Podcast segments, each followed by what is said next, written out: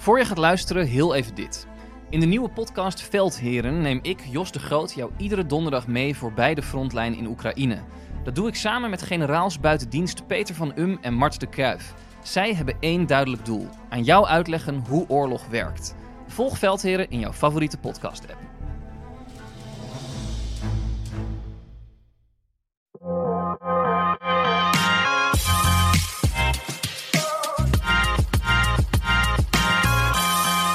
Je luistert naar De Lange Termijn. En Twan, wat zei je nou net? Wat is jou overkomen vorige week? ik gaan er gewoon meteen mee beginnen, denk ik. Oh, gelijk met de deur in huis vallen. Nee, ehm, ja, het was met crypto. Ik ben gescamd.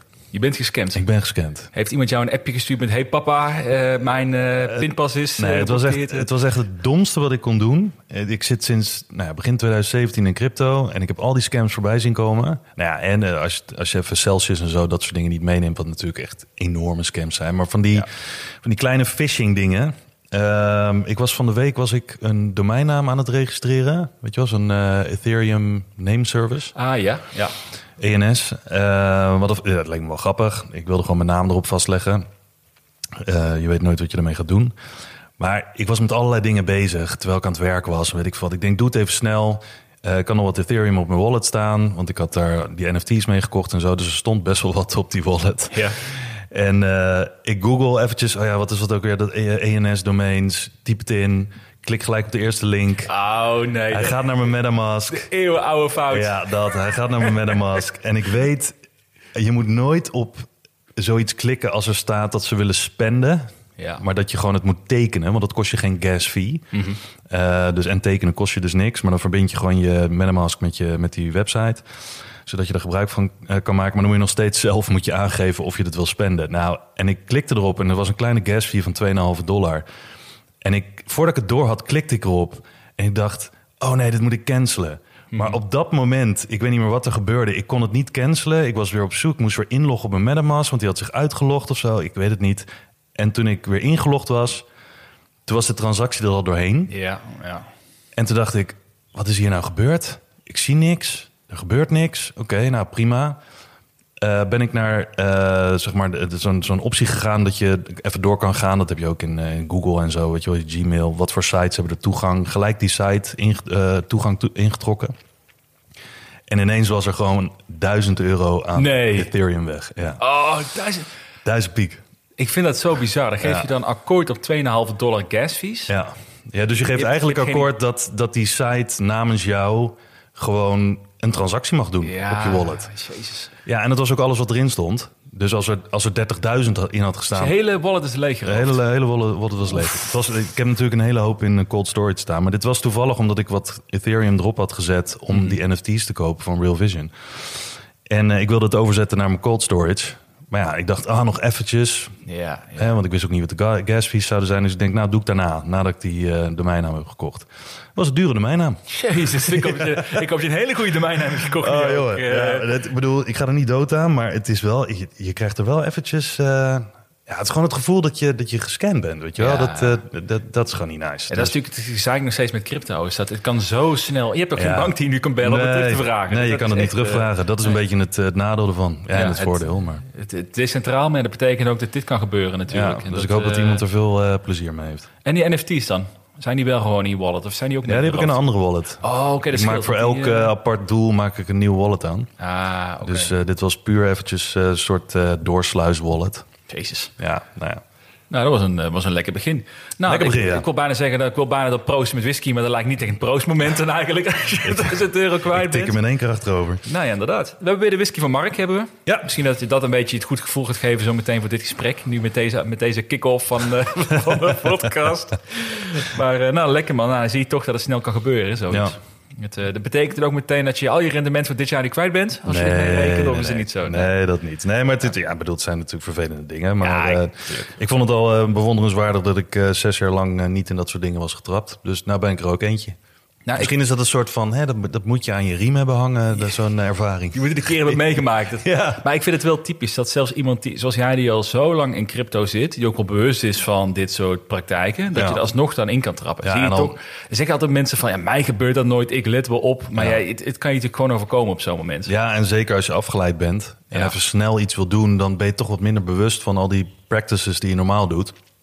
Dus ja, dat eh les geld. Maar sneu, zonder, zonder geld. Ja. Dat. Dat, eh, Ja. Nou, dan is misschien onze disclaimer eh, twee keer zo deze keer voor deze aflevering. Let goed op met je MetaMask. Nee, ehm, ja, de disclaimer. Deze show is puur voor entertainment. Wij zijn geen financieel adviseurs en geven geen financieel advies. Wij maken veel fouten. We maken wat fout hier. Doe goed je eigen onderzoek voordat je ergens instapt. En beleg alleen met geld dat je voor een lange tijd kunt missen of in vijf minuten kwijt kan zijn. Dus, en klik nooit op de eerste Google advertising link. Nee. Dit soort zaken. En, eh, nee, maar ik lach een beetje om. Het is ontzettend kloot als je Nee, zes stuk hebt. Kan het hebben, eh, kan het hebben. Ja, je ziet er in ieder geval vrolijk uit. Ja. En dat na de afgelopen week, waar je helemaal verdiept was in die banken en alles erop. en Ja, dat was heel treurig. Ja, en je, nou, je blijft lekker enthousiast. Eh, en mocht je meer willen weten hierover, eh, vind je leuk om een extra aflevering te volgen, dan hebben we ook nog de vriend van de show. Ik heb weer drie hobby's gevonden deze week. Yo, We beginnen met bonsai-bomen knippen. die had je al. Die was ik een toch een hele keer. Ja, hè? Oei, damn it. Ik dacht, begin gewoon mee. Dan weet ik meteen dat het niet goed is. Nou, we eerlijk zijn. Je kunt nooit genoeg bonsai-bomen knippen. Je kunt het twee weken achter elkaar. Level 2. Eh, Rubik's Cubes oplossen. Ook leuk. Oh, Moet je wel even de tijd nemen. Ik wil, met, met mij zou het een uur kosten om zo'n ding op te lossen. Ik weet niet of jij het vroeger veel gedaan hebt. joh, ik heb nog nooit volgens mij zo'n ding opgelost. Nee? oh, we gaan het serieus. de vorige keer bij de aflevering keer proberen. Samen oplossen. Dus kijken hoe lang de aflevering gaat duren. En een hele leuke, heel erg therapeutisch denk ik. Zeep snijden. Zeep snijden. Ja, zeg maar vormpjes maken met zeep. Oh, Dat schijnt heel therapeutisch, ASMR-achtig iets te zijn. Dat je Oh. helemaal tot rust kan komen. Dus als je eerst alles verdiept hebt over die banken van je... daarna ga je een beetje een zeep, ga je een beetje snijden zo. Werkt dat ook met zo'n eh, tube douchegel? Nee? Oh. Oké. Gekke vraag. Je kunt het proberen. Ik bedoel, eh, dus dat zijn de drie hobby's als je het leuk vindt om dat te kunnen doen. En dan, eh, nou, tussendoor kun je dan de vriend van de show luisteren. Super leuk idee. Hey, we hebben wat, ehm, vorige keer hebben we het aangekondigd dat we een luisteraars-enquête hadden. Mhm. Veel antwoorden op gekregen. Hoeveel hadden we? We hadden nu 30, Zo. 20 reacties. Wat, eh, wat ik best veel vind hoor trouwens. Je toch ziet dat je even naar de site moet. Toch Ja. acht vragen die moet beantwoorden. Dus eh, iedereen dat gedaan heeft, eh, ontzettend bedankt. Want het helpt ons om dit format te verbeteren. En we hebben een paar tweaks ook hè, voor dit eh, format. Een paar kleine knoppen waar we aan gaan draaien. Ja. Dus ehm, was onder andere de vraag van vastere structuur. Mhm. Komt een paar keer in terug ook. Dus we hebben nu een opbouw voor deze aflevering waar we mee beginnen. Waarbij Twan gaat beginnen over een stukje actualiteit. En over mindsetzaken. Echt meer jouw domein waar Ja. je heel goed op gaat. Dan hebben we het segment met luistervragen. En het derde segment is dan meer over innovatie. Waar ik dan wekelijks een, in- een domein ga bespreken. En misschien aandelen die eraan te pas komen. Dat we ook iets meer, eh noemen we het even de oude Mr. Don Ja, flow. Een beetje dat je die combineren. intrekt. Ja. Ja, dan hebben we denk ik allebei iets waar we ontzettend eh gepassioneerd over zijn, denk ik. Tenzij je, tenzij je het een uur lang over banken wil hebben, dan, dan laten we gewoon jouw stukje gewoon lekker gaan. Nee, ik vond die van jou oprecht vorige week heel interessant. Ja, ik ook. Ik heb er wel nog steeds hoop bij van. Ja, dat kan ik me voorstellen. Maar het was wel, eh, nou ja, het gaf me wel wat extra inzicht, denk ik, Ja. die ik zelf ook niet had. Ja, ik heb ook heel echt veel geleerd erdoor. Heel interessant. Ja, nou, en we gaan proberen deze aflevering binnen de 15 minuten te houden. Dus misschien Ja. moeten we gewoon snel beginnen, Ja, zodat ik gaan we weer eh, doorlul. Eh, een portfolio-update. Ik zal hem deze keer niet skippen. Wat zijn... eh, Wat zijn de standen? ja, wat zijn de standen? ja, de vorige keer zei je skipt hem altijd als het niet goed gaat. Ja. Maar ik heb hem opgeschreven deze keer om niet te vergeten. Maar Mhm. ik schrok toen ik zat te kijken naar eh, jouw performance voor dit jaar. Ja? Positief geschrokken. Ja, ja. Ja, ja. Nou ja, ik sta op 21% En ehm, ik heb eens even zitten kijken waar het nou precies vandaan komt. Maar het komt eigenlijk bij alles vandaan. Want Ja. eh, normaal gesproken als aandelen en dergelijke... en een beetje risk assets goed gaan... dan gaan eh, de wat defensievere dingen zoals goud en zilver en dergelijke gaan, eh, gaan naar beneden. Maar nee, alles is gestegen. Dus ik sta nu op 21 Damn. Nou ja, het- ik, ik zag er net, ik was, eh, het lijkt wel iedere week weer een stapje meer te Ja. worden bij jou ook. Dus ja, nou, het was eh, afgelopen week was het wel echt. eh, ik bedoel, ik, ik denk van de vijf handeldagen heb ik één platte dag gehad, om het zo Mhm. maar te zeggen. En vier winstdagen. Dus ja, best prima. En als ik het vergelijk mijn portfolio met bijvoorbeeld de Wereldindex of de S&P... Die staan, hè, zoals je dat in de portfolio eh, dividendtrekker kan doen. Die meet dan op basis van je inleg. Mhm. Als je dat alleen maar in de wereldindex of de S&P of de AEX had ingelegd. Hoe je er dan voor zou staan. Maar zowel de wereldindex als de S&P staat volgens mij op iets van eh, min 4 of min 5 procent. Oh, echt? Min 3, zoiets. Ja, AEX deed het best. Dus daar zou ik dan op min 2 staan. Mhm. Nou ja, dus daar heb ik nu een eh 24 procent verschil. Of 25 procent verschil. Afhankelijk van welke index je pakt. Dus dat is lekker. En als je het vergelijkt met al die portfolio's die je aanhoudt, Ja, heb je, zie je daar nog iets, nog iets speciaals in? Want je hebt iets van tien mandjes hè, waar Ja. je verschillende stijlen aanhoudt. ja. Heb je daar nog naar gekeken eh, onlangs? Ja, ja, ja. Nou goed, degene die het eh, eh, gemiddeld doen zijn ook echt de beetje neutrale portfolio's. Waar hetzelfde zoals mijn portfolio, waar er wat meer nou ja, een mix tussen defensief en, en, en agressief. Maar ik merk wel dat nu in de afgelopen weken bijvoorbeeld het Bitcoin Ethereum portfolio in die mandjes, eh, die doet het heel goed. Eh ARK is goed hersteld, maar ook Ja. weer niet zo goed. En eh, voornamelijk Nasdaq aandelen, die, ja, die doen het gewoon heel goed in, in dat mandje. En ook trend ETF's doen het goed. Ehm, maar niet zo goed als mijn eigen portfolio, dus mijn kernportfolio. Maar dat komt omdat ja, daar zit gewoon wat dat betreft ehm, ja, meer gewicht in. Ja. En in die mandjes leg ik elke maand 100 euro in. Dus ja, daar pak ik ook niet de maandelijkse tussenbewegingen mee. Dus dat is gewoon een beetje DCA. Nou ja, het zag er wel. eh, Dus dat gaat, wel dat gaat best lekker. Ja, volgens mij staat het, eh, het, het beste mandje staat op... Nou, wacht. Het slechtste mandje? Nee, nee, nee. nee, het, ene slechtste mandje, dat is. Nee, nee, maar het slechtste, Nee, het slechtste mandje staat op min 10% sinds eh, augustus. Of nee, sinds september. Geen idee waar je het over hebt. Nee, maakt het niet uit. joh. Nee, nee, nee. En, eh, en het beste mandje, maar dat beste mandje is eh, Bitcoin en Ethereum 50-50. Dat eh, doet 23%, 24%. Oh, ja, oké. Ja. Bitcoin is natuurlijk sowieso, of, of crypto, zo waanzinnig bezig dit jaar. ja. Dat, eh, Ja. ik begin nu zelf, zelf ook, had ik afgelopen weken het idee van, moet ik nou geen instappen in Bitcoin? Ja, nee, omdat je nu, maar vooral, het is natuurlijk zo- zo'n self-fulfilling prophecy natuurlijk. Je ziet dat, je ziet Bitcoin stijgen, je ziet problemen met de banken en opeens het verhaal in je hoofd lijkt opeens te kloppen. Ja, en antwoord op de banken. Ja. Terwijl toen de koers op 16 of 17.000 dollar stond, dacht ik ah, onzin, gaat niks, gaat niks meer Ja, gebeuren. dit is, echt, niet dit is echt zelfvervulling inderdaad sentiment wat, wat de prijs volgt. En dan weer het prijs wat de sentiment volgt. En Ja. Totdat het ineens omkeert. En dan staat iedereen weer op hetzelfde, weet je wel. Dat is van, oh nee, ja, als je het op eh, 27.000 dollar wilde kopen... moet je het ook op 17.000. Nee joh, het gaat naar 11, het gaat naar 8. Ja. Maak ons elkaar lekker gek altijd aan Ja. de prijzen. en hoe is het met jouw portfolio? En mijn portfolio staat nu op plus 8%. Dus Ja. ik blijf eh, nog wel positief, maar ik blijf er tussen iets achter. eh, Vergeleken met anderen wel nog. Eh, dat komt vooral omdat een aantal natuurlijk enorm blijven schuiven. Dus dan Ja. is het weer Desktop Metal die eh 20% daalt in een week. Dan is er weer Canoe die 10% stijgt. Dan is het weer, dus het gaat alle kanten op. Ja. Dus, eh, maar het is natuurlijk gewoon bij mij wachten tot een aantal aandelen eh, echt in een doorbreekfase hebben. Ja, een beetje stilte voor de storm. Ja, exact. Het is echt een beetje een rustige periode. Dus ik heb nu net toevallig vandaag ehm, een volledige positie in Origin genomen. Daar ben ik Ja. nu klaar mee, ben ik uitgekocht. Die waren ook op richting all-time low weer. Dus ik heb gezegd, ik, ik vul hem volledig, ik ben klaar. Dus Wat, ik heb, eh, de vraag tussendoor. Wat zou je doen als Origin morgen 25% daalt? ja, nou, dat is, dat is een hele goede vraag. Ik heb nu ook toevallig op Twitter ook geschreven van... In principe is het een volle positie. Mhm. Tenzij een van die aandelen mo- bijvoorbeeld eh, on- onrationeel hard gaat dalen... zonder dat er echt een reden achter zit. Dan kan ik wel blijven bijkopen Ja. daarin. Maar in principe, als, ook al zou nu 10% dalen... is in principe is de positie is vol. En, hoe, en hoe, hoe groot is je positie dan nu ten opzichte van de, je hele portfolio? Nou, dus In procenten? Ik probeer eh, die positie rond de 10% te Oh, houden. 10%, Die eh, EST probeer ik ook rond 10% te houden. Dat zijn twee echt meer speculatieve op techniveau. Eh, en de rest verschilt dan weer. Hmm. Dus die zitten redelijk vol. En dus de rest van mijn geld moet nu naar Canoe, of naar Canoe, naar, eh, naar, naar Google. ja, Freudiaanse bespreking. Nee, naar, eh, naar Google. Nu moet ik volgen maken. Google en Polygon, Ja. crypto. En dan, of nieuwe posities. Maar ik heb nog steeds niks nieuws op het oog. Oké. Dus het is even Nou wachten. En ik zag bij de lange termijn portfolio ook weer iets gestegen. Ook weer naar de 7%. Ja, het zit eh, 7,3 nu. Ja, op dinsdag nemen we het op, dus op eh, dinsdag staat het nu op 7,3. En daar, eh, ja, Coinbase staat er bovenaan en eh, de chippers, Nvidia en AMD. Zo, die is ook gestegen trouwens, Nvidia. Zo, de laatste half jaar. Ja. Verdubbeld sinds oktober. Ja, het is echt bizar, maar dat komt natuurlijk ook door het hele AI-verhaal nu. En eh, de hekkensluiters zijn Fiverr, Snowflake, BYD en Plug Power. Oké.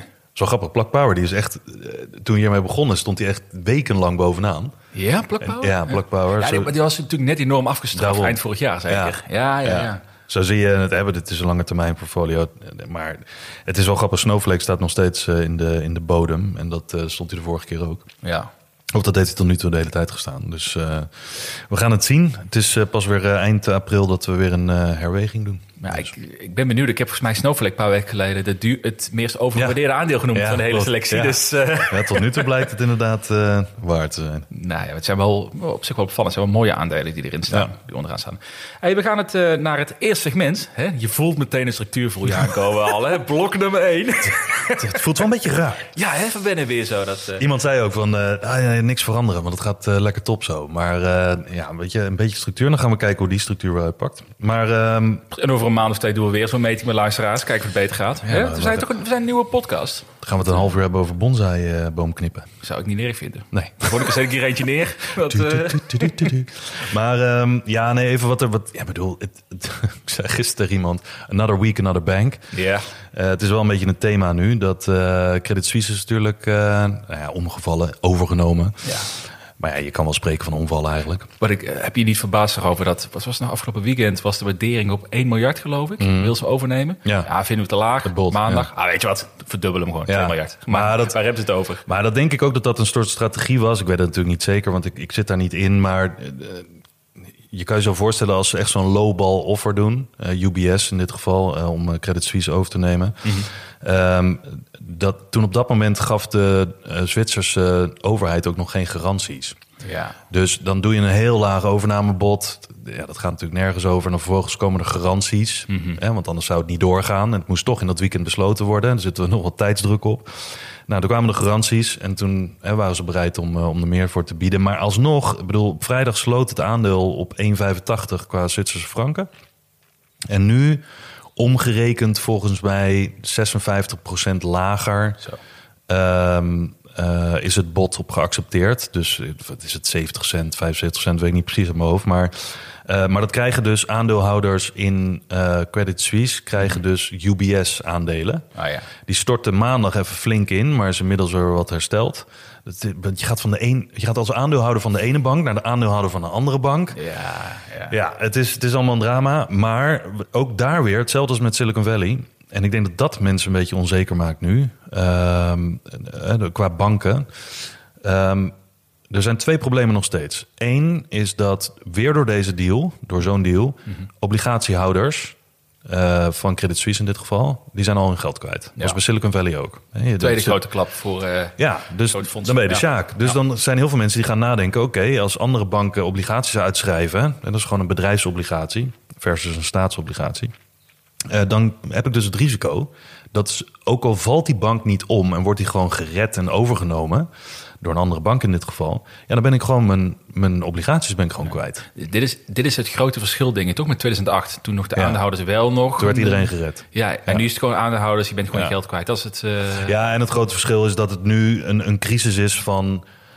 eh, In 2008 was het een crisis van risico. Eh, hè, al die banken die hadden echt risico op risico op risico. Allemaal in die mortgage-backed securities en dergelijke. Gezondheid. Mortgage-backed securities, dat is het codewoord. maar dus mortgage-backed securities waren er toen en heel veel andere leverage zaken. Dus dat was heel risicovol. Nu hebben bijna al die banken, de problemen die ontstaan, ontstaan niet door eh, al die risicovolle producten die ze op de balans hebben, maar juist veilige producten, namelijk die obligaties. Maar die obligaties staan onder water. Eh, en mensen nemen ondertussen tijd nemen ze hun geld op. En ik denk dat dat probleem nummer twee is. De bankrun die, die gaande is. Die was al gaande. Niet alleen door dit, deze paniek, dat mensen hun geld van de bank afhaalden. Maar ook omdat mensen inmiddels een alternatief hebben. Een paar jaar geleden had je eh, eh, de keuze tussen eh, sparen, waar je niks voor kreeg, geen rente, of beleggen. Nou, mensen werden dus naar beleggen geduwd. Hè, meer risico, maar wel meer kans op rendement. Versus sparen, weinig tot geen risico. Eh, als je het even zo wil afbakenen. Ehm, maar dan kreeg je ook niks voor. Je Ja. kreeg, kreeg geen rendement. Nu, en dat noemen ze TINA in die tijd. There is no alternative. Het klinkt veel liever dan dat het is Ja. natuurlijk. Ja, er was ook geen alternatief, want Ja. je kon nergens je geld anders storten. Eh, je had wat van die eh, eh, deposito's, maar die betaalden ook maar 0,4 procent. Ja, waar wil je dan je geld een paar jaar voor vastzetten voor 0,4 procent? Dan denk je, ja, boeien. was ook die periode dat waarschijnlijk je ook allemaal vragen kreeg van vrienden en familie. Van ja, wat moet ik nou? Ik heb nog wat dat- extra geld, wat moet ik daarmee doen? Moet En- ik dan maar gaan beleggen? Dus gingen zoveel mensen beleggen. Ja, exact. Ehm, maar nu is er een alternatief, want dat zie je nu. Je krijgt bij de bank eh 0,5% rente, bijvoorbeeld, als een voorbeeld. Eh, die banken die pakken jouw geld, want je had dat stortje. Dan gaan ze vervolgens gaan ze zelf een soort, ja, hoe noem je dat, een, ehm, een, een soort eh, rentecurve creëren. Namelijk, ze nemen jouw geld, ze betalen jou 0,5% rente. Maar ze stoppen het zelf in obligaties en dan krijgen ze bijvoorbeeld 3% rente. Ja. Dus ze hebben 2,5% winst. Ehm, ja, dus mensen realiseren zich nu, ja, dat kan ik net zo goed zelf. Ik ga dat, mijn geld gewoon van de bank afhalen. Ik zet het bij de Giro. En ik ga in een obligatie-ETF zitten. Of in staatsleningen. Of wat dan ook. Want die zijn relatief veilig. Eh, in dit geval met paniek veiliger dan bij de bank lijkt. Want dan kan je je geld ofwel kwijt zijn. Of er gaan gekke dingen gebeuren. Of je kan een tijdje niet bij je geld. Dus daarom zie je zoveel mensen die het opnemen. En bij Credit Suisse was dit ook het grote probleem. Dat dit versnelde. Net zoals bij eh, Silicon Valley Bank. En net zoals bij andere banken nu. First Republic Bank. Staat nu ook op omvallen. Zo, ja. Eh, er is een rapport naar buiten gekomen dat er ongeveer 186 banken in, in Amerika, dat zijn dan voornamelijk de kleinere banken, die staan op dezelfde voet als hè, de Silicon Valley Bank. Eh, ook al hebben ze misschien een ander profiel. Maar die, die hebben gewoon een risico. Als er nog meer mensen hun geld gaan opnemen, dan ja, hebben ze gewoon een probleem. Dus eh, daar kunnen ze niet aan voldoen. Dus dat is een beetje de paniek die nu toeslaat. Ehm, bij de banken en bij de mensen die klanten van de banken zijn. Dus ik denk dat dat het verhaal een beetje nu is. En ik denk ook nog niet dat dat voorbij is. Want ja, dat Credit Suisse in dit geval op zo'n manier wordt overgenomen en gered, dat is prima. Dat geeft een stukje zekerheid nu. Maar ja, als jij bij een regionale bank zit, eh, ja, dan weet je, moet moet je maar kijken hoe dat afloopt. En zeker als je geïnvesteerd hebt in die bank, je aandeel kan dalen. Eh, je krijgt er waarschijnlijk niet, zoals bij zo'n exit-event of zo'n premium, wat je dan bijvoorbeeld een canoe krijgt als zo'n partij het overneemt. Ja, heb jij die obligaties al een tijdje en staan ze 20% onder water en je krijgt nog een duppie. Ja, dan ben je natuurlijk de sjaak. Ja, precies. Dus ehm, ja, dat is een beetje wat er, wat er nu speelt. En ik, dat is nog niet voorbij. Dus eh, daar wordt iedereen een beetje onzeker van. Ik En ben, ik ben wel benieuwd wat dan, wat kan uiteindelijk de reden zijn waarom het of goed gaat komen of misgaat. Nu wordt best ook gespeculeerd over bijvoorbeeld de acties vanuit de vet, hè? Eh, Ja. wat we nog niet weten. De mens moet ik denk nu niet te veel over hebben. Eh, maar we zien de ECB zien we wel gewoon lekker die rentes doortrekken. ja, die liepen wat achter nog. Ja, heb jij het gevoel dat dat het risico is? Dat de rentes verhoogd blijven worden, geld moeilijker worden, dat een reden kan zijn voor banken om om te klappen? Of, of Nou ja, zolang mensen hun geld nog uit de bank halen... waar ze weinig rente krijgen... en dat zelf weten te investeren in veilige staatsobligaties... die op dit moment zowel in, Duitsland onder andere als in eh, de Verenigde Staten... gewoon meer dan 4% geven... ja, dan doen mensen dat. ja, Ehm, en eh, de paniek eh, die nu veroorzaakt is, ja, dat, kan, dat gooit alleen maar olie op het vuur. Dus, Dus, dus eh, rentestijgingen zouden dus wel gevolg kunnen zijn dat het nog aantrekkelijker Ja. wordt voor mensen om dat te gaan doen. Dat Ja. nog meer gaat. ja, en meer bewustwording. Want hoe langer dit doorgaat, hoe meer mensen natuurlijk ook een beetje verderop in de nieuwscycle wat meer bewustheid gaan krijgen. Die hebben het al vier keer gehoord. Bij, de- hè, bij de eerste keer nemen sommige mensen een beslissing. Anderen doen het pas na tien keer dat op het nieuws te zien. Ja. Of als ze een vriend van hun horen of zo, weet ik veel wat. Dus ja, dat, dat is nog niet voorbij, denk ik. En ja, wat je al zei. De Fed, eh, nou, als mensen dit luisteren, dan heeft hij gisteravond een eh, aankondiging gedaan of het een eh, kwartje meer wordt of dat hij gaat pauzeren. Ehm, we weten het niet, maar ik denk dat de markt op dit moment een klein beetje voorsorteren op goed nieuws. Ja. Kan een soort eh, buy the rumor, sell the news zijn. Maar ja, hè, risicoaandelen en bitcoin en dergelijke blijven nog steeds gaan. Goud had ook een mooie sprong ineens deze week. Dus. Ik ben benieuwd. Ik had het in Twitter deze week erover van dat... ehm, ik volg het heel weinig, de hele bankwezen. Ik ben blij dat jij dat iedere week niet kan, toelichten hoe het, wat er allemaal zit. Maar ook bewust, omdat het voor mij niet zoveel impact maakt. Omdat ik toch, mijn aandelen die ik heb, die hebben heel weinig impact voor... eh, of die gaan weinig merken wat er op korte termijn gaat gebeuren. Het is toch drie jaar vooruit, dat ik doe bewust niet. Maar heb jij nou, als jij daarnaar kijkt, hebben deze ontwikkelingen voor jou nog reden om je portfolio iets aan te passen, om meer allocatie richting goud te gooien bijvoorbeeld? Of misschien voorzichtiger te zijn met inleggen? Of blijf je ook gewoon je koers varen? Blijf gewoon mijn koers varen. Ik ben me wel wat bewuster van risico's waar ik me eerst niet bewust van was. Ja, want dat kan En- me voorstellen. Als je ja. zo diep erin zit, dan besef je, het kan echt fout gaan. Ja, Dus- ja, nee, ik was een tijdje geleden was ik ook aan het kijken naar bedrijfsobligaties bijvoorbeeld. En dan obligaties in banken. Ik was aan het kijken naar die Rabo-certificaten. Waarom doe je dat niet trouwens? Die, want dat was best interessant, toch? Wat? Die, die Rabobank-certificaten. Ja, maar dan zit je dus ook weer met het probleem. Ja, ik wil niet zeggen dat het zo is, maar stel dat de Rabobank gered moet worden, omdat er iets is. Geen Mhm. idee. Eh, Credit Suisse is natuurlijk een ander, eh, ander beest dan, eh, dan Rabobank, maar je weet niet wat er gebeurt.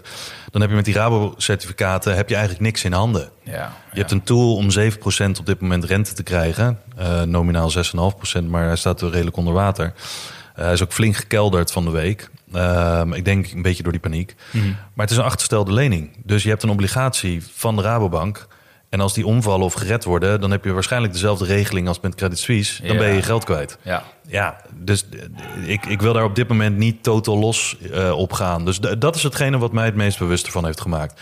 Je kan nog zo voorzichtig zijn, maar als jij in een ogenschijnlijk veilig iets gaat zitten, zoals een bedrijfsobligatie, dan kan je alsnog al je geld kwijtraken. ja. Terwijl als jij in Apple bijvoorbeeld, hè, om maar een aandeel te noemen, ja, dan kijk je waarschijnlijk alleen tegen koersverlies aan. Maar je hebt niet een risico dat je al je geld kwijt bent. En dat, dat do or die met, met je geld, ja daar wil ik op dit moment gewoon eventjes vanaf blijven. Ja. Dat vind ik echt heel, heel nasty. Ja, maar dat, ja, daar kom je dus toch op hetgene waar we het net over hadden. Dat je meer bewust bent van die risico's. Ja. Toch. Dat je toch, en dat je ziet dat het toch eh, real talk gaat worden. Echt je geld Ja. raken in waarschijnlijk veilige, solide investeringen. Wat ze vaak zeggen van banken natuurlijk. Ja, en Mensen kan, je, maar, eh, en kan je beter 50.000 euro stoppen in een staatsobligatie eh, en een staatslening die jou 2% geeft Ja. op jaarbasis. Versus dat je 10.000 euro, omdat je niet helemaal erop durft in te leggen, in een 7% Ja. bedrijfsobligatie. Die dingen moet je tegen elkaar afwegen. Want voor die paar euro's per maand extra rendement. Ja, eh, en de kans op totaal los. ja. Ik zou het niet doen. En wat me afgelopen week wel duidelijk geworden is, trouwens afsluiten van het onderwerp dan, is... ehm, je had weer die hot hand fellas, die zag je wel langskomen. Dus dat, dat de bank natuurlijk enorm weer opveerden. Een week Ja. geleden, weet je nog? Ja, ja, ja. Na de dag dalen. En nu iedereen dacht, oké, dit afgelopen vrijdag... je moet nu banken kopen, want die worden gered over het weekend. Dan ga je ook 100% eh, die rebound ga je meemaken. Nou, ja, we hebben het gezien met eh, Credit Suisse. Mensen die vrijdag gekocht hebben, zijn gewoon hun geld grotendeels gewoon kwijtgeraakt Nou ja, en, een ik, en ik tweet ook eh, op vrijdag. Waarom zou iemand überhaupt dit soort dingen willen vasthouden over een weekend? Zo, ja, ja. Het gebeurt meestal in een weekend. Meestal is het niet goed voor je, wat er dan besloten wordt. Met de kans, kleine kans dat het wel goed komt. Maar ik, ik, zou, dat, ik zou het gewoon rustig afwachten. Ja, ja, het is puur- eigenlijk om puur speculeren. Wat Ja. prima is, natuurlijk in die zin. Maar nu zie je dus ook dat het ook fout kan gaan. Ook al ging het een week geleden goed bij een soort situatie. Ja. Als je kijkt naar de koers in ieder geval. Dus dat was wel weer een eye-opener, vond ik ook. Zeker. eh, bij. Hey, we hebben wat eh, luistervragen weer gekregen. Mhm. We hebben er twee uitgelicht. En deze is wel leuk, denk ik. De eerste van eh Pepijn. want eh, daar hebben we een tijdje niet over gehad. Over aandelen waar we op zitten te azen. Hmm. En ja, het is ook een beleggingspodcast dit, hè? Ja. Dus... eh, Hè? Wat? Ja, echt? ja, ja, ja. ja, ja. maar de vraag van Papijn is, is van... in geval van een Black Swan event... waarbij de markt 50% daalt... en het voelt opeens een stuk dichterbij... dan we een week geleden hadden verwacht... waarschijnlijk toen Papijn dit stelde. Welke drie aandelen zouden jullie dan meteen kopen... bij 50% daling? ABN, Raab... Nee. Nee, ja, morgen heb je de kans waarschijnlijk. Nou ja, een Black Swan event. Ik bedoel, daar, daarmee doel, doel je dan in feite, als jij het even gewoon zo, zo zegt, dat de hele markt daalt. Dus dat er niet specifiek iets aan de hand is met een bepaalde sector of, of iets dergelijks. Oké, wacht, even nuance. Want ik weet wat je gaat zeggen namelijk. Je dan? mag niet kiezen voor de aandelen die je al hebt. Want anders ga je zeggen, ik ga mijn eigen aandelen bijkopen... Ja, met alles altijd van zitten. Ja, maar dat zou ik doen. Ja, nee, precies. dat is te makkelijk. Dat is te Nou, makkelijk. welke zou ik dan? Welke zou ik dan? Welke, welke drie zou je Jongen. kopen die je dan nog niet hebt? Want Maar dan zou ik dingen kopen die ik eigenlijk niet lang wil vasthouden. Dan zou ik het sowieso niet doen. Maar heb je geen drie aandelen waarbij je denkt, super interessant, alleen de waardering is nu nog een beetje... Nee, Nee, nee? voor mij niet. Omdat mijn portfolio is redelijk gevuld in de zin van dat ik daar tevreden mee ben tussen risico en rendement. Eh, en het type aandelen, sectoren en dergelijke. Dus ik zou, volgens mij heb ik dat ook een keer eerder, of dat was een keertje off, eh, eh, off show. Ik zou het puur doen in drie dingen die ik al heb. Ja. ja. Want dan heb ik een buitenkansje. Want mijn thesis is dat het met die drie dingen sowieso goed komt. Ik wil ze vasthouden. Ik wil bijkopen als het slecht eh, met de koers gaat. Als het dan 50% daalt, dan zou ik daarop willen instappen. Dus ik zou, ik zou, geen, twee, of ik zou geen drie dingen kunnen noemen die nu niet in mijn portfolio zitten. Want daar zou ik nu sowieso niet op zitten azen. Dus je gaat voor eh, Short Arc, je gaat voor Canoe. Wat je derde? Nee, maar dat zou wel wat anders zijn als ik bijvoorbeeld was uitgestapt. Bijvoorbeeld, noem maar iets. Ik was uitgestapt op Bitcoin. Eh, eh, rond 17.000 euro, om het zo maar te zeggen. En ik heb een kans gemist. Eh, en die zou ik een keer willen kopen.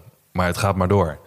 Als het morgen 50% instort, dan zou ik mijn positie weer kunnen terugpakken. Ja. Weet je wel, dat. Ja, zoiets. Ja. Maar in mijn kernportfolio verkoop ik dan ook niet. Ik verkoop ik niet. Dus ik zou, als het instort, alsnog Bitcoin. Eh, de Nasdaq ETF die ik heb. En goud.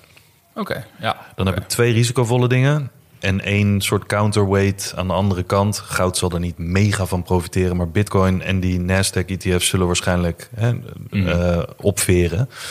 Als het weer goed komt. Maar verrassend dat je, dat je echt geen aandeel hebt erbij. Je denkt Nee. van als die daalt, wil ik die heel graag nog Nee. eh, pakken. Nee.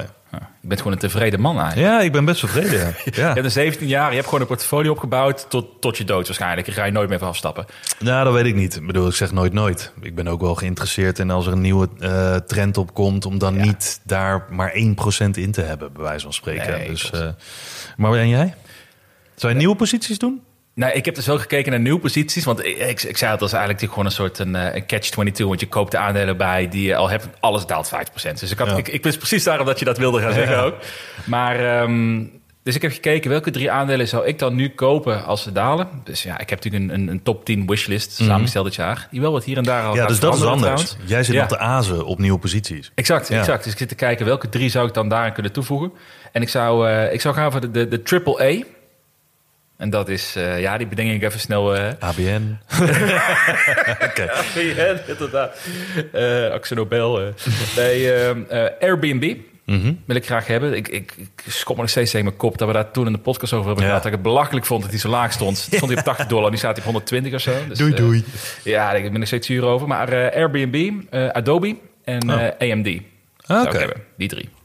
Wat me opvalt trouwens, Nou. dat is ook vorige week, is de meeste van mijn portfolio zijn maar de eerste vier letters van het alfabet.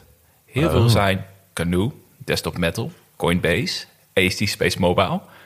Dus Ah, ik heb ja. eh, allemaal A, B, C of D. Je moet alleen nog Berkshire Hathaway hebben dan.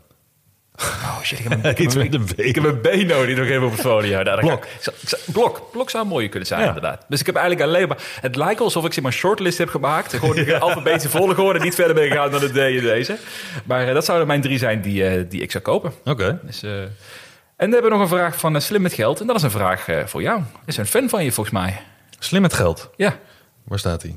die staat... Oh. Zal ik hem heb je hem of zal ik hem even voorlezen? Ja, dan lees jij maar even voor. Ja, hij vraagt van... eh, Twan, ik volg je artikel al meer dan twee jaar. Nou... En in een daarvan zei je dat je soms wel eens wenst om een simpel portfolio aan te houden en alleen goud, bitcoin en een brede ETF. Zou je dat ooit doen en wanneer en waarom wel of niet? Oh, ik zie nu. Dit is van Diede. We hebben Slim met geld was de vorige keer. Oh, eh, heb ik er een fout ja, gemaakt met nee. Zou Andere naam, kunnen. Diede. Maar Sorry, inderdaad, dit was jouw vraag. Ja, ik heb een, ik heb een soort. Ik heb dat ook dat in dat mandje. Ik heb dat heel vaak uitgesproken van als ik het simpeler zou willen houden, maar nog steeds. En waar we het vorige keer ook in een exclusieve aflevering over hadden met, eh, met een voetbalteam samenstellen. Je verdediging, je middenveld en je aanval. Ehm, dan zou ik puur drie assets willen hebben. Ehm, want dan zou ik het simpel willen houden. En dat is dan bitcoin, goud en ehm, een brede wereld-ETF. Ja. Waarom zou, zou ik dat ooit doen? En puur daarin gaan zitten en waarom wel of niet? Misschien ooit wel. Eh, maar nu nog niet, omdat ik gewoon veel te geïnteresseerd ben om eh, andere dingen uit te proberen. Hoeveel procent van jouw portfolio zijn die drie holdings nu? Ook al 70% toen. nou ja, als ik, als ik, ik zit in IWDA, Ja? eh, wereld-ETF, maar ik heb ook nog pensioenspot bij Brand New Day. Dus die trekt dan even hetzelfde, want dat is ook een wereld- wereldindex die erin zit. Of dat is puur een wereldaandelenfonds. dus als je dat bij elkaar optelt, uit mijn hoofd denk ik 30% in dus een wereld-ETF. Ja. Ehm, Bitcoin 15% en goud ongeveer 20%. Oké. Oh, als je goud is meer dan bitcoin zelfs. Ja. ja, want ik kies dan altijd wel een beetje meer voor de veiligheid. Dus dat moet wat groot. Nou, het is uiteindelijk Bitcoin wil ik tot, tot 20% hebben en goud 20%. Dus je hebt nu sowieso twee derde van je portfolio zijn al deze drie Ja. posities eigenlijk. Ja, en dan die Ja, kleinere dingen erbij. Dus, eh, maar zou ik dat ooit doen? Mogelijk wel. Maar daarom ben ik ook dat testje aan het doen. Om te kijken of dit een portfolio zou zijn waar ik iets op zou missen. Ehm, want ik heb nu dat, dat, dat heet een Trinity portfolio. 70% wereld ETF, 20% goud, 10% bitcoin. Hè, dus hoe meer risico, et cetera. Ehm, maar misschien is het wel verstandig om 20% bitcoin, 20% goud en 60% wereld ETF. Geen idee. Maar dat, dat ben ik nu aan het testen. Wat, eh, en ook een beetje aan het backtesten wat, eh, wat de afgelopen jaren daar het beste in zou zijn. Maar ja, daar komt natuurlijk altijd uit dat je zoveel mogelijk in bitcoin had moeten Ja, hebben. nou ja, dat, slaat natuurlijk eh, nergens op. Ja. Dus, maar ik zou het ooit willen doen. Eh, als ik er niet zoveel meer mee bezig zou willen zijn. Eh, maar op dit moment niet. Nou ja, dat, dat lijkt mij key, toch? Hoeveel tijd wil je erin Ja. blijven investeren? Ja. Met dit soort, eh, Ik weet wel dat als ik op een gegeven moment iets anders wil doen. en niet meer zoveel beleggingen wil focussen. Ja, bonsai-boompjes knippen. Nou ja, dat. Ja, dat. Of coach worden van het onderwaterfiguur zagen bij mijn dochter. Oh, ja. Dat, eh, nou, dan zou ik met die drie waarschijnlijk wel eh, een goede risk-reward... en ook eh, redelijk gespreid zijn in aanvallend en defensief. Dus Ja. ja, ja. Dus dat. Nou, ik vind dat ook wel een, eh, wel een mooi. Ik denk stiekem, ik ben heel benieuwd hoe, dus jou, eh, hoe dat uit gaat werken, die Ja. test die je aan het doen bent. Ik kan me best voorstellen dat onderaan de streep, dat, dat, dat de markt nog steeds fors overperformt, die combinatie. Ja, ik had een, ik had een backtest gedaan met, met, die, met dat portfolio. En ook een beetje vanuit mijn eigen investeringen gekeken wanneer ik heb ingelegd en dergelijke. Ook een artikel over geschreven. En in die periode was voordat de hele markt crashte in, eh, of crashte, naar beneden ging in 2022.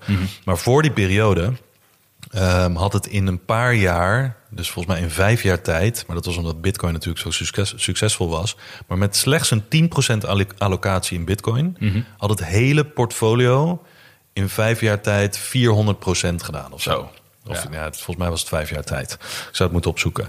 Maar het was zo schandalig hoog dat ik dacht: hoe kan dit? Want er zit best wel wat goud in. Er zit een saaie ETF in. Mhm. En er zit een beetje agressief Bitcoin in. Nou, je hebt natuurlijk wel een enorme bullmarket net achter de Nou, rug. dat. eh, ja, want die ETF heeft ook op sommige jaren gewoon 20% tot Ja, 30% gedaan. Dus Ja. ja. ja, dat was een fantastische periode om, te, ja, ja, ja. om de cijfers in te vullen. Maar dat, dat geldt nu natuurlijk niet meer. Want we zitten inmiddels alweer anderhalf jaar bijna in, eh, ja, in een neergaande markt. Zo, ja. Dus, eh, dus Dat we nog optimistisch zijn, anderhalf jaar. Ja, heerlijk man. Goedkopere eh, koersen. Alles in aanbieding. dat is wel zo. Ja. Dat, eh, ik durf niet meer naar het portfolio te kijken qua absoluut verlies. Maar voor de rest is het wel lekker.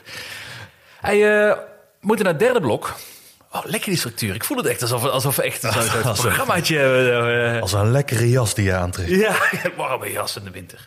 Hey, ehm, we hebben best wel wat, wat vragen gekregen op- vanuit die luisteraars eh enquête. Van, nou, we willen het ook wat meer over de individuele aandelen hebben, over innovatie. Nou, eh, individuele ik dacht van, we kunnen niet iedere aflevering gaan vullen met een analyse. Want het wordt Nee. een beetje veel en nou, misschien ook niet voor iedereen even relevant. Maar wat we wel kunnen doen natuurlijk, is iedere week kijken naar een stukje innovatie. Terwijl domein, terwijl, eh, en dan aandelen die daar Ja. relevant voor zijn, kunt u wel bespreken. Ja. Ze hebben een soort top combinatie. Was een leuk voorstel van je ook om dat zo te doen. En ja, deze week moeten we het natuurlijk gewoon hebben over, eh, over AI. Ja, Dat is, eh, jij zit er voor mij ook goed in. Hè? ja De- man, de mijn hoofd spint gewoon. Jij dacht van, ik ga eerst banken Ja, eerst banken, even ga ik naar AI over. nou ja, ik vind het echt bizar. Maar Vorige week is ehm, eh, Chat, eh, of, eh, GPT-4 gelanceerd. Die nog een keer een stap erger is dan wat het al was. Daar ga ik Ja. zo wat over vertellen ook nog. Eh met Journey 5 is gelanceerd, een nieuwe versie... waardoor je echt foto's kan genereren. Ik las vandaag dat Microsoft heeft een nieuwe versie in Bing gezet... waarmee je nu ook op basis van tekst kun je meteen afbeeldingen genereren. Dus Die schijnt wel in veel testjes, die Bing-versie, Ja. schijnt beter te zijn dan GPT-4. Ja? Er zijn heel veel mensen, ja, en ik weet niet of dat dan eh, mensen zijn die dan eh, eh, toevallig ook in Microsoft hebben geïnvesteerd, geen idee. Maar heel veel YouTube-video's heb ik zitten kijken, die hebben dan gewoon exact dezelfde prompts ingevuld. Ja. Ook over financiële dingen en zo. En dan GPT-4 kwam er wat anders uit, waarvan ze ook zeiden van, hm, oké, dit ik weet niet of dit helemaal iets is waar je mee kan werken. Maar Bing, die kwam dan met echt toepasbare dingen. Oké. Best wel grappig dat dat echt anders is. Want heel veel mensen denken, ja, dat zal wel hetzelfde zijn. Maar het is heel veel kleine tweaks natuurlijk die, die, die Ja, impact maken dat. denk ik, erin. Maar ik denk even een stapje, eh, een stapje terug. Waarom? Er wordt best wel veel gepraat over, over AI. En ik zie op, op LinkedIn staat vol, Twitter staat vol ermee. Maar de vraag is natuurlijk, is het echt, wordt het echt zo'n groot ding als mensen zeggen dat het is? Nou, ik heb daar, ehm, ik zit er best wel een tijdje ook in om te kijken wat er al mee kan. Best veel mee te spelen geweest ook. Alleen in mijn achterhoofd, eh, vorig jaar hadden we ehm eh, Web 3. Kwam toen op, weet je nog? Ja. Dat iedereen zei, dat wordt het nieuwe internet. En het principe van Web3 is dat je dingen kan ownen... in plaats van dat je alles overgeeft aan de grote bedrijven. Dus in theorie fantastisch idee. Kan ik steeds kans hebben. Alleen, het, het bleef een idee, niet praktisch. En ik zat vorig jaar zat ik in, mijn, eh, in Zeeland, in mijn eh, Think Week had ik gepland. Ja. Ik heb uitgezocht wat de snelst groeiende domeinen zijn of industrie zijn en hoe groot ze worden. En daar was AI was toen al veruit de grootste. Dus mij was iets van eh, dat de omzet in 2030 van zeg maar, het AI-domein zou groeien naar 1,6 miljard euro, eh, dollar per jaar. Wat echt een van de grootste innovatieve domeinen zou zijn daarmee. Biljoen bedoel je? Eh, miljard. Nee, biljoen toch? Nee, nee 1,6 miljard omzet. Wat er doorheen loopt. Valt mee, hè? Valt mee. Dat is echt helemaal niks. Nou, dat is nog steeds veel groter dan de 3D-printing en alles erop met drama. Wat is 3D-printing dan? 3D-printing was eh 1 miljard per jaar. In een optimistisch geval. Dus 1,6. Maar dat is nog steeds 40% groei per jaar. Hè? Want nu was de Ja. markt van 140 miljoen of zo. Dus het is nog steeds... Maar dat was dus vorig jaar oktober. Mhm. Was dat. Toen kwam... Toen was ChatGPT nog helemaal niet in de open. Was, dus AI Nee. was toen een beetje machine Way learning. back. Way back. Toen, toen, we, toen we onze, zelf onze teksten moesten schrijven, weet je. Maar toen was, toen was AI was machine learning meer, zeg maar. Zoals, nu- maar niet zoals we het nu kennen. En nu zie je inderdaad, nu, nu die ontwikkelingen zo takkensnel gaan met AI... zie je, ja, dit wordt geen 1,6 miljard meer in 2030. Dit wordt een biljoenenmarkt. Dit wordt... Dit, dit, Zo snel. Dit, nou ja, om, om ontwikkelingen wat, wat je nu ziet, had niemand verwacht natuurlijk. Nee, daarom. Een half jaar geleden, man. Dan wist niemand wat ChatGPT is, dit is was. exponentieel, ja. Dit is echt exponentiële groei. En jij hebt mij toen het video aangeraden van het Real Vision, waar Mhm. ik ook naar gekeken heb. Nou, je zei al van, ik ben helemaal flabbergasted als ik dit zie. ja. En ik denk de, de reden waarom het, om het concreet te maken, van waarom denk ik, en waarom denk, ja, volgens mij denk jij er ook, ben jij er ook enthousiast Mhm. over. Hè? Waarom wordt dit nou zo groot over de komende jaren? En ik, het mooiste manier om dit te vertellen, vond ik, is die had x jaar geleden dat je de industriële revolutie, ik bedoel, met eh, niet met hetzelfde aantal mensen niet één product konden maken per dag, maar honderd producten Ja. uit de grond konden stampen per dag ja. dezelfde workforce. Dat was een, eh, op basis van producten. En nu is de eerste keer in de historie dat we kennis kunnen gaan schalen. En Ja. dat, dat is voor mij nog steeds een principe wat heel veel mensen niet, niet... en ik zelf ook nog heel moeilijk vind om dat te beseffen. Ja, ik ook. Ja, toch? Ja. Eh, wat, wat- wat denk jij als eerste aan als je dat hoort van kennis schalen? Dat is best wel abstract toch eigenlijk? Ja, het is heel abstract. Ik denk alleen dat het voor mensen be- te begrijpen valt, zoals ook voor mij. Als je echt praktische voorbeelden ziet, als mensen gewoon echt die er verstand van hebben, gaan zeggen van oké, wat, wat betekent dit dan? Dat je letterlijk een, een, hè, zoals ook iemand zei in een van die video's, eh, je hebt nu een assistent. Je, de, de, so- de software of de technologie is nu zover dat je een assistent hebt die dingen voor je kan doen, maar die assistent heeft een heel slecht geheugen. Ah, ja, ja. En over een jaar heb je gewoon een analist in je. Hè, er- iemand die vooruit kan. Of er iemand, we noemen het al iemand. ja. Heel Het, is, raar. het is al eh, sentient is het dan. Bob, Bob, Bob, Bob helpt ons mee. Hallo Bob. Nee, maar zo snel als het gaat, ga je op een gegeven moment. Hè, hij gaf het voorbeeld van dat er bepaalde banen vervangen zouden, zouden worden. Ehm, in dit geval al, want heel veel mensen denken AI. de, de- de- sommige mensen denken, als ik, het, als ik met hun erover heb, als een soort Terminator-achtig iets. Ja, ja. Eh, andere mensen eh, weten al wat meer van, maar hebben het puur en alleen eh, op basis van genereren van ideeën. En anderen hebben het erover, ja, je kan een idee laten genereren door ChatGPT 4 bijvoorbeeld. En dan kan je het automatisch exporteren naar Midjourney. Die maakt er een plaatje van. Maar wat als we straks video krijgen? Ja. Kun je hele films maken. Je kan filmscripts laten maken, et cetera, et cetera. Wat voor banen gaat dat kosten? Mediabedrijven, eh, eh, modellenbureaus, weet ik veel wat, dat soort dingen. Toen dacht ik ineens, hè? Modellenbureaus, hoe werkt dat dan?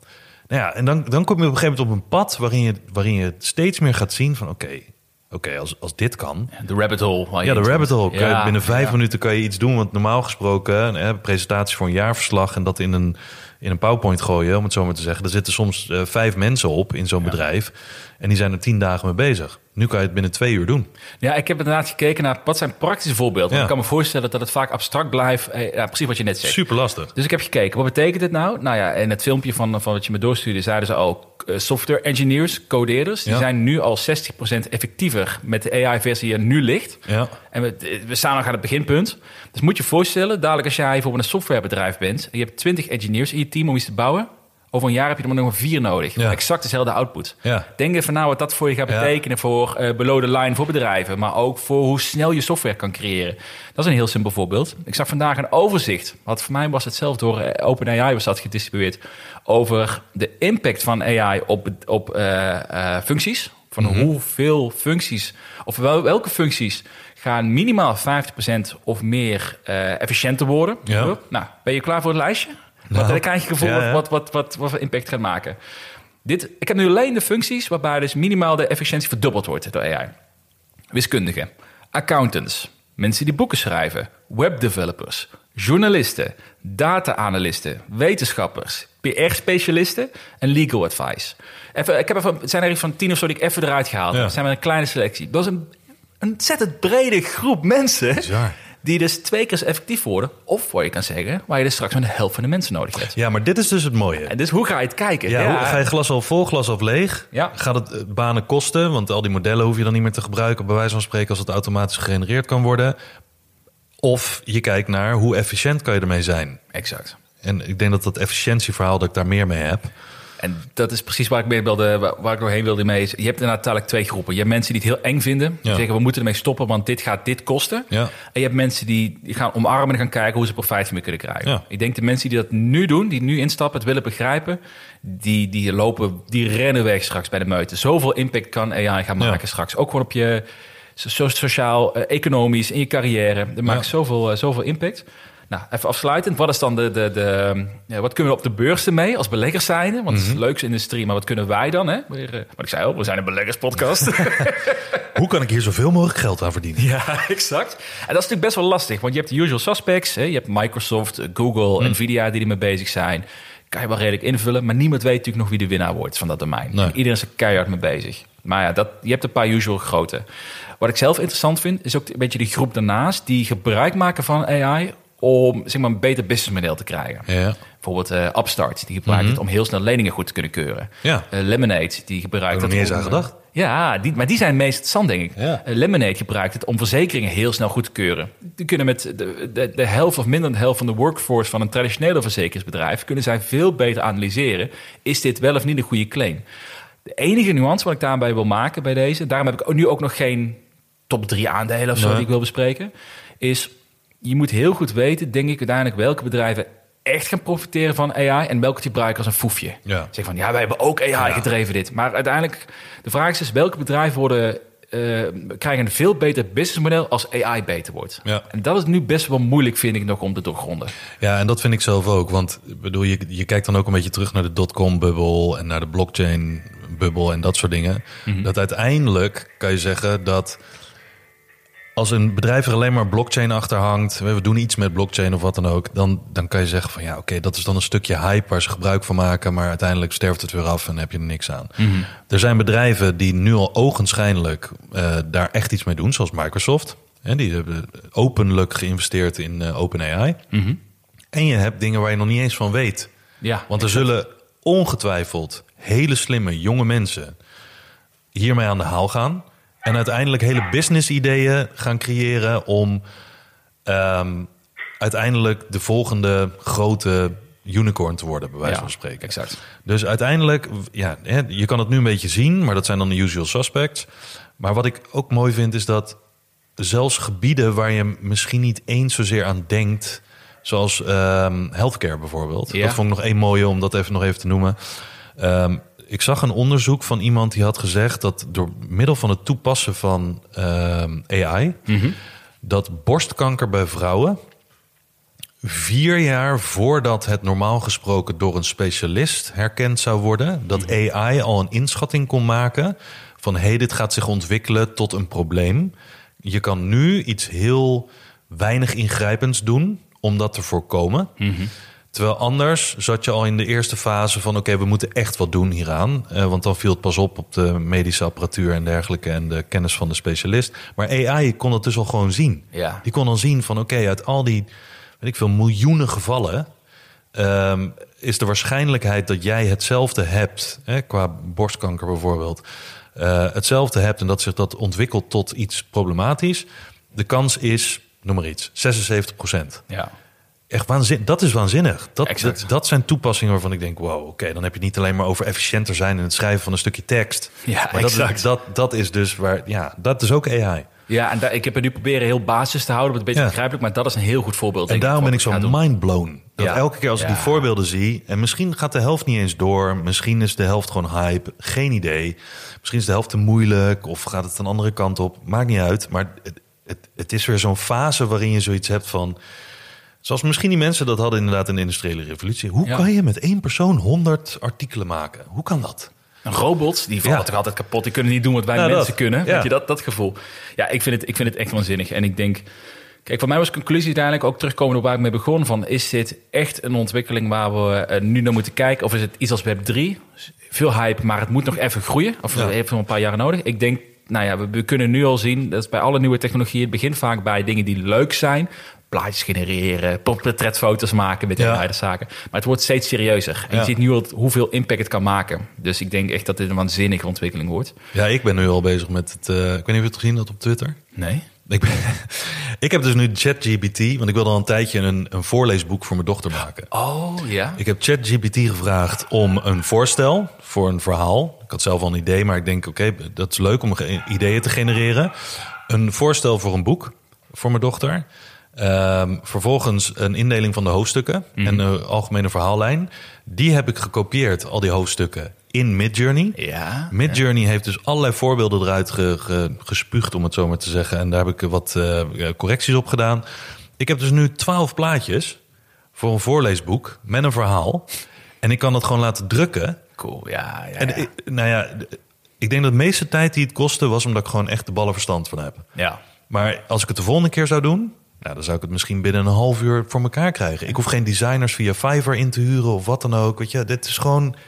En, en- en stel je voor, als je dat kan automatiseren, als je daar een tool Ja, van kan dat. bouwen die dat doet, en je Ja. gaat gewoon een custom kinderboeken maken, Ja. gemaakt met Journey, en ik Ja. verkoop voor 20 euro terwijl je daar half mee bezig bent. Ja, dat was mooi, want ik zat natuurlijk een beetje, ik zat een beetje te googlen erop van hoe doe je dit? En toen kwam ik uiteindelijk ook op een YouTube-video dat iemand die had een Amazon, die had het al heel snel door. Ja, ja, ja. En die heeft gewoon een kinderboek gemaakt. Ja. Ehm, die heeft hij op Amazon gezet en die heeft een soort eh, print-on-demand service eraan gehangen. Eh, wat je natuurlijk in Amerika heel veel hebt. En ik ken ze niet hier, maar ze zullen vast bestaan.